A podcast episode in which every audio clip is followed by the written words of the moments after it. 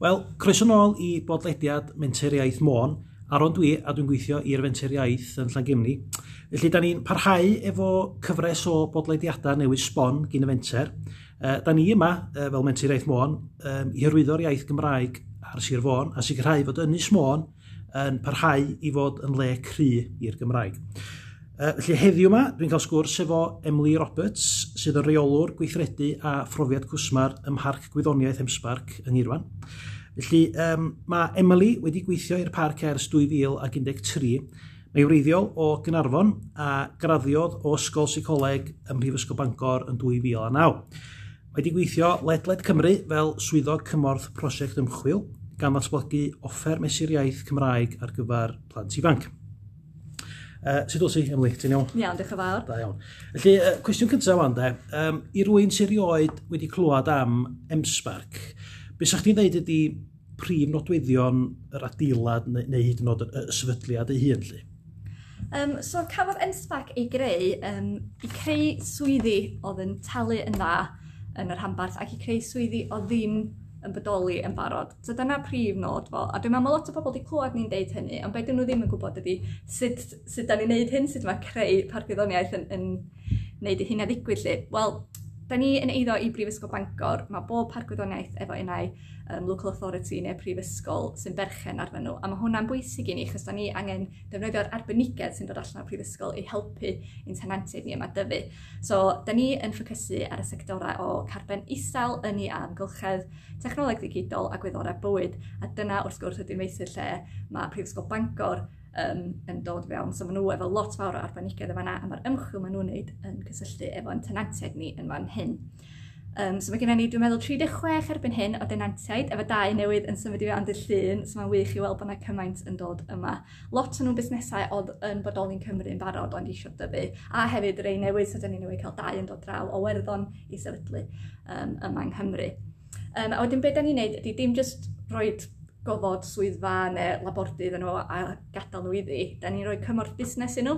Mae'r cymorth busnes yna i helpu nhw dyfu y busnes ac wrth i nhw dyfu wrth gwrs, maen nhw'n cyflogi mwy o bobl a da ni'n gobeithio bod nhw'n gallu cyflogi pobl lleol neu myfyrwyr o'r prifysgol a cynnig y swyddi. So dwi'n meddwl ar hyn o bryd mae swyddi NEMSBAC tua 5,000 yn fwy na cyfartaledd swyddi Cymru sydd yn ffantastig dyna da ni isio, maen nhw'n swyddi da. A dyn nhw ddim jyst yn y maes technoleg y gwylonaeth chwaith, mae yna lot sy'n marchnata neu sy'n mewn cefnogaeth ac ati. So dy ddim just y swyddi scientific na mae pawb yn meddwl chwaith. Mae yna ma lot yn mynd ymlaen. A be da ni'n licio dweud hefyd ydy, ia, mae MSPAC yn adeilad, ond nid yr adeilad sy'n gwneud MSPAC, ond beth sy'n digwydd i fiawn ohono fo sy'n mor bwysig. Gret. Uh, wedyn, so, efo dy waith di rwan, um, rheolwr gweithredu a phrofiad cwsmar. So, be, be yn union ydy, ydy hynny, a be, be ti'n neud yn ddyddiol, be, be ti'n neud ja, dy waith bob dydd? da ni gyd ddweud chydig bach o pob dim yma, dwi'n meddwl, o ddydd i ddydd. E, mae hwnna'n rhan o natur parciau gwyddoniaeth ydy, dos o ddim un math o swydd sy'ch chi wedi disgwyl cael yn syth allan o ysgol, fatha dim ond un peth ych chi'n neud o'na fo. Mae yna bob dydd yn hollol wahanol yma, a dyna dwi'n mwynhau Um, so dwi'n geithio, um, yn bennaf dwi'n delio efo'r um, technoleg digidol yma, so'r IT, uh, which oedd yn brofiad newydd iawn i fi pan eisiau gychwyn, so nath Google ddod yn ffrind i mi yn y dyddiau cyntaf yna.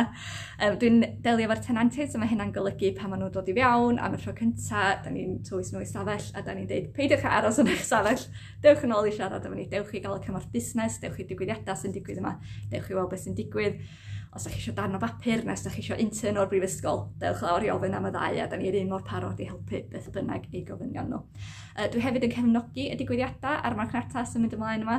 Dwi'n mwynhau yn fawr y digwyddiadau da ni'n neud yma. Mae yna amryw o bethau o gweithgareddau i blant, i uh, business events mawr efo cyn Covid, 150 o bobl yn llenwi'r lle yma trwy dydd ac yr buzz ydych chi'n gael o digwyddiadau fel yma, mae'n ffantastig.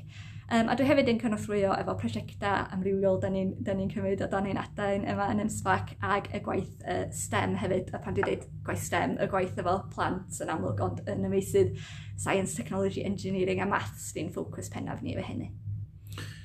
Felly, nes ti gychwyn yn y swydd nôl y 2013, ond oedd chi agor yr adeilad yn 2018. Felly, be, be fach chi'n neud o fewn yr, y pedair blynaf uh, rhwng tiad, cychwyn y swydd a wedyn agor emsbarc y swyddogol. Uh, so, ni'n gwneud y prosiect yr adeg yna. So, na tîm o dri ohono fi. Fi, uh, Ieia Wyn Jones, oedd y cyfarwyddwr ar y pryd, a Pryderi a Pritchard, sydd yr cyfarwyddwr rwy'n lle. Ac oedden ni'n wneud yn siŵr bod y parc yn mynd i gael ei adeiladu yn y bôn, so oedden ni'n mynd ar ôl yr arian, mynd i'r prifysgol a neud siŵr bod gennym ni'r cysylltiadau fanna um, gwaith pwysig iawn o fynd i'r gymuned a gadael pobl bod be yn union oedd parc gwyddoniaeth a pam fod yn bwysig bod o'n ddod yma.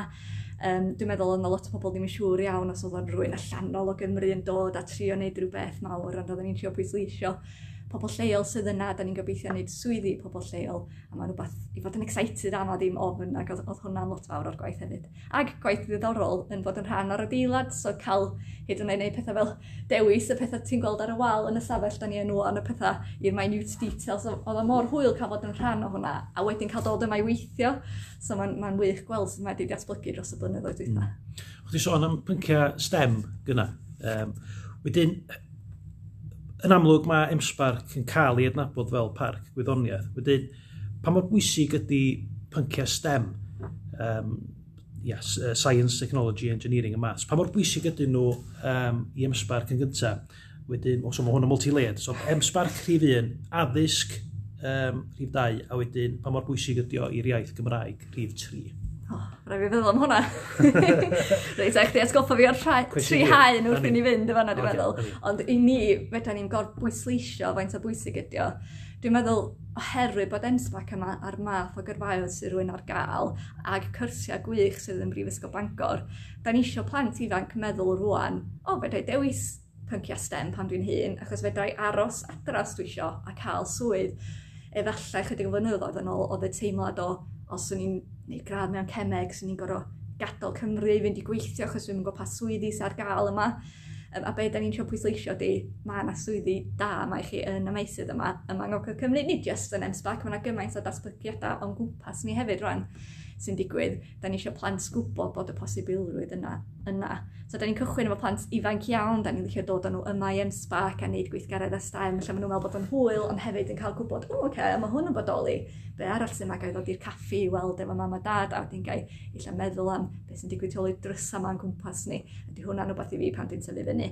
A wedyn da ni'n gwneud gweithdau chydig bach mwy um, ffocysu ar swyddi i cael um, pobl pan maen nhw'n gwneud eu diwylliadau i tygau ac i lefel A, a dyn nhw eisiau meddwl a chyri bach mwy am y cyfleoedd sydd yma cyn i nhw'n gwneud eu diwylliadau. So, ar yr ail ar ugan o'r mis yma, mae gennym ni wythnos digidol dros Gogledd Cymru. Da ni'n gweithio efo sawl partner ar hwnna a'r bwriad ydy i blant o blwyddyn dim yr holl ffordd i pobl sy'n newid raddio a i athrawon. Mae pa, ma yna weithgareddau bawb a da ni eisiau pawb gadael wedi dysgu sgil digidol newydd. Dyna di nod yr wythnos i nhw feddwl, o, oh, mae gen i sgil newydd, be fedra i wneud efo hwn? Ydy hwn yn swydd, ydy hwn yn hobi, ydy hwn beth fedra i ddori yn dysgu beth newydd a dechrau meddwl pa sgiliau dwi angen yn yr hanbarth Chos mae yna swyddi ffantastig yma sy'n talu yn wych, a da ni eisiau pobl dechrau sylwi hynny a'r cyfleoedd sydd ar gael.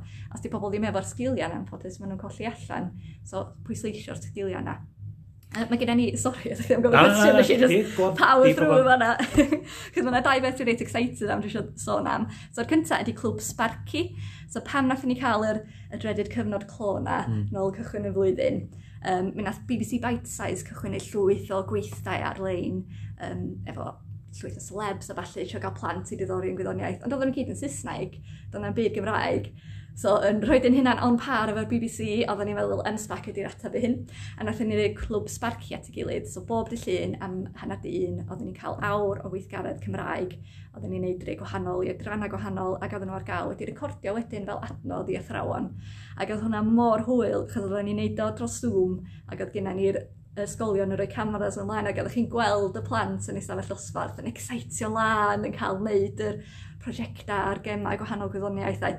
Y thrawon drian rhedeg o gwmpas yn ôl y pethau. Nid chi'n gweld nhw'n ei cartrefi weithiau, gael ni'n cael gweld y plant efo'r hynny yn ei tai lle oedden ni gyd yn neud yr arbrawf, neud ice cream a efo mam a dad. Ac oedd yn wych i weld, achos oedden nhw jyst yn cael hwyl, ond oedden chi'n gwybod maen nhw wedi dysgu rhywbeth o hwn hefyd.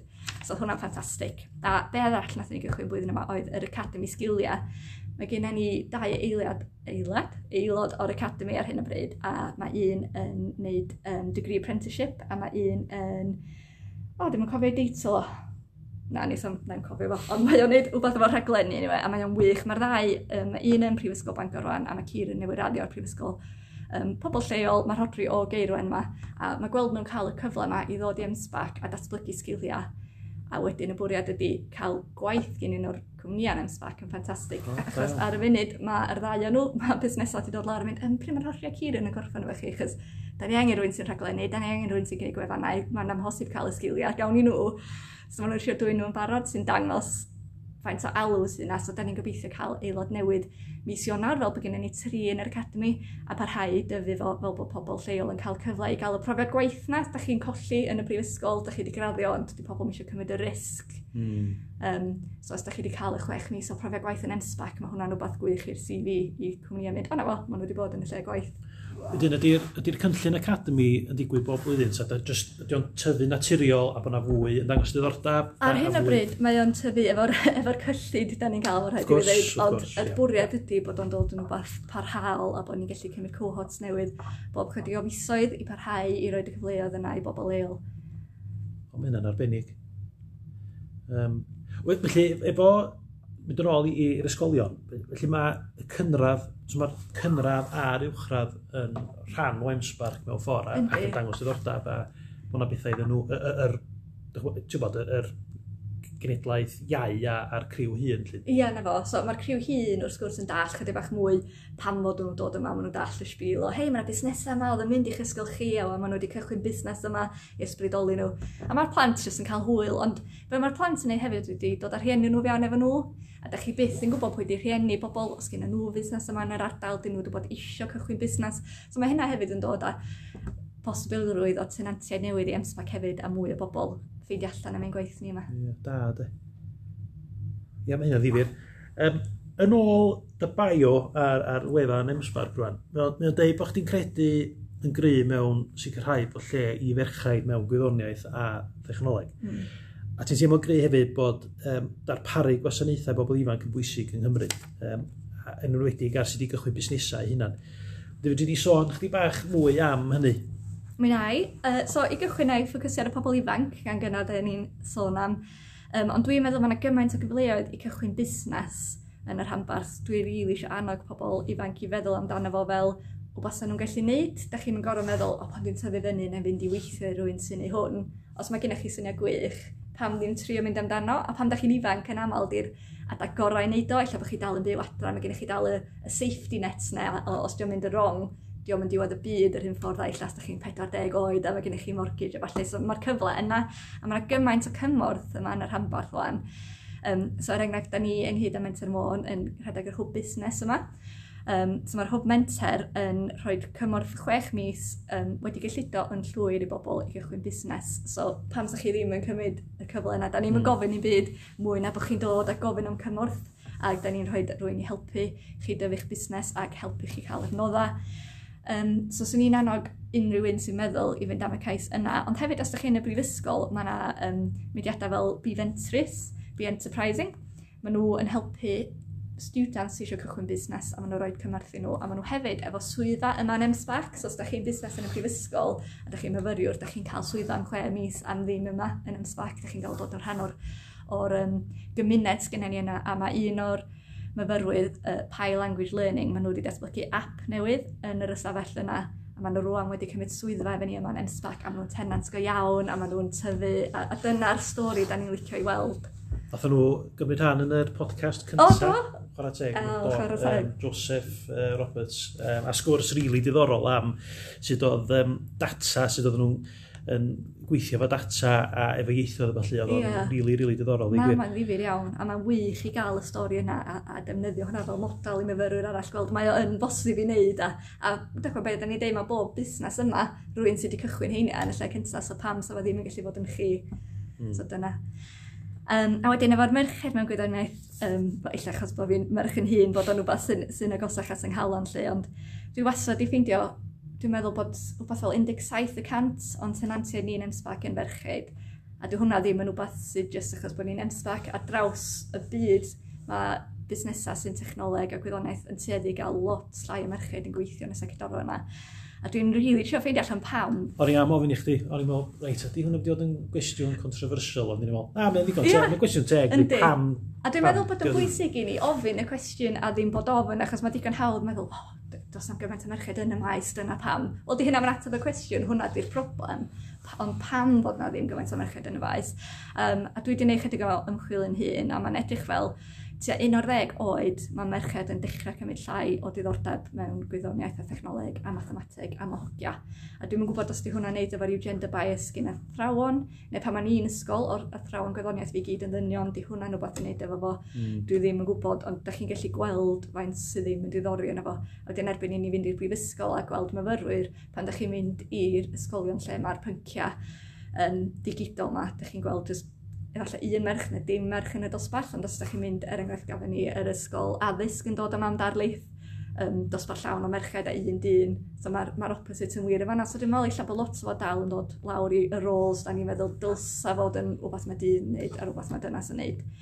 A dwi'n gwybod faint o flynyddoedd mae'n mynd i cymryd i hynna sort of gorffan ar y genhadau newydd sort of meddwl wahanol. Dwi'n meddwl mae'n dechrau digwydd. Da ni'n gallu gweld lot llai o merched sy'n meddwl mae yna swyddi maen nhw'n gorau wneud a yr hogiau ifanc sy'n dod i fewn trwy'r academi, dwi, dwi wedi testio nhw chydig bach a maen nhw, dyn nhw'n dall pam sa'n ni'n meddwl, o, pam sa'n merched ddim yn mynd hyn, a na, dwi hwnna, maen nhw beth mae dynion yn wneud, so mae, ma hynna'n wych i weld a gael yn ogol ofnadwy, ond faint o flynyddoedd mae'n mynd i gymryd i hynna bwydo trwy'r holl system. Ie, yeah, mae yna ma hoel yn barod oes. Oes. Um, a dwi'n meddwl mae hwnna sy'n mynd i ddangos mewn so, blynyddoedd i ddwad yr hoel da chi'n neud rwan yn ymsbarc a um, beth mae stem gogledd yn neud a yeah. pethau fel yna. Gobeithio wir. Nathon ni, nathon ni gychwyn clwb pan nathon ni agor. So nes i alw fo'n amser mis, oherwydd bod y merched yn cwrw unwaith y mis wrth gwrs yma'n ymsbarc. Okay. um, ond o'na lot o busnesau lle o'na dim ond un dynas yma.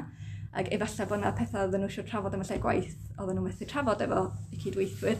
So oedden ni cael pawb mewn un ystafell ac oedden ni gyd yn siarad am pethau busnes a beth yn ffeithio ni. Ac oedden rhyfedd rownd y bwrdd, oedd pobl yn dweud, o dwi y math o berson mae pobl yn torri ar draws mewn cyfrifodydd neu os dwi'n deud syniad dyma'r person nesaf wrth o fi'n deud y syniad a nawn nhw rando wedyn ac oedden ni gyd yn deud di hynna ddim oherwydd chdi, mae'n digwydd i ni gyd yn anffodus oherwydd bod ni'n ferchaid. A dwi'n mynd i bod pawb wedi cael y profiad yna, ond o pawb rwy'n bwrdd wedi cael o, ac o just clywed o'na, ddim chdi di o, just dyma pan mae wedi digwydd um, i weld yn rhoi hyder i pobl, so oedden ni'n cael merched oedd yn gadael ac yn teimlo oedden nhw'n gallu mynd yn ôl i gwaith a dweud, o, oh, sori, nes di dorri ar draws, gai jyst cael ymlaen efo mhwynt ta. A cael pobl arall dweud, mae'n iawn i wneud hynna, sydd ddim yn bod yn rŵd, gen ti hawli, so deud y ddeud. Um, a chwarae teg nath un o'n cwmnïau ni sydd yn, yn tenant rhithiol efo ni rwan, Paper Trail, nath nhw fynd yn ôl i swyddfa a newid sydd oedden nhw'n hysbysebu swyddi newid y iaith, a newid y job descriptions i gyd, a nath nhw fynd o busnes oedd yn just dynion yma, um, i bob recruit newydd yn ferch oedd yn anhygol. Oh, nath nhw'n wneud o trwy just newid merched i interview na byd fel yna. Nath nhw just newid hynna, a nath mwy a mwy o ferched dechrau mynd am swyddi yn y busnes. Ie, yeah, diddorol. So oedd diddorol. hwnna wych i weld. So dyda bod na rhywun, tjod, hogan ifanc uh, ym flwyddyn 8 neu blwyddyn 9 yn, yn yr ysgol uwchradd, a bod gynnyn nhw uh, anger tuag at gwyddoniaeth a lle, lle sa'n nhw'n mynd? Os a gyrsia yn emsbarc neu be, be sa'ch chi'n ddeud wrth yr, yr unigolyn yma sy'n sy rili efo anger tuag at y uh, pwnc a isio parhau efo'r efo pwnc yma lle? Dwi'n meddwl, os oes gennych chi'r anger, newch chi wneud rhywbeth i, i drio gael at lle ydych chi eisiau bod, a da ni yma i gefnogi hynna, so pam da ni'n neud y gweithdau gwyddoniaeth a'r clwb codio, da ni'n neud efo Technocamps ac ati. Hyd yn oed os ti'n cerdded i fewn a meddwl, o, oh, dwi'n yn gweld neb sy'n edrych atho fi, dwi'n yn gweld criw fi fan hyn. Rho dy hun allan yna beth bynnag, achos efallai chdi wedyn fydd y person sy'n aneg merched arall, na nhw ddod fewn a mynd, oh, mae hi yma, o'n i'n neud ffrindiau, mae nhw rwy'n sy'n debyg i fi. Chos da ni gyd yn neud yma bywyd, da ni gyd yn edrych am criw ni, dydan pwy sy'n debyg i fi, pwy fydda'n gallu fod yn ffrindiau fo. A weithiau dyna sy'n neud i ni ddewis siarad o rwy'n, achos mae hi hefyd yn ddynas. So os da chi yn mynd a ddim yn gweld neb sy'n edrych fel chi, byddwch y person yna i bobl arall a mae rôl mawr i gymryd, ond mae rhaid i rhywun wneud. So, os ydych chi ddigon ddewr i cymryd y cam yna, dyna swn i'n awgrymu i wneud. Rhywbeth arall o'n i'n meddwl amdano rwan, de. Ti'n bod, um, pan o'n i'r ysgol, um, dwi'n cofio, mi nes i uh, pynciau gwyddoniaeth i gyd yn yr iaith Gymraeg. A pan o'na griw, nes i'n byd gwyddonol yn y chwechad dosbarth, ond dwi'n cofio mae Saesneg oedd um, y cyfrwng o ran to, dysgu mm. y gwersi um, gwyddoniaeth yn yr ysgol. Dwi'n dwi, gwybod os di pethau fel di newid dwi'n dwi, dwi cofio mai Saesneg oedd y cyfrwng hyd yn oed i'r criw Cymraeg oedd wedi wneud o'n tygau. Mm.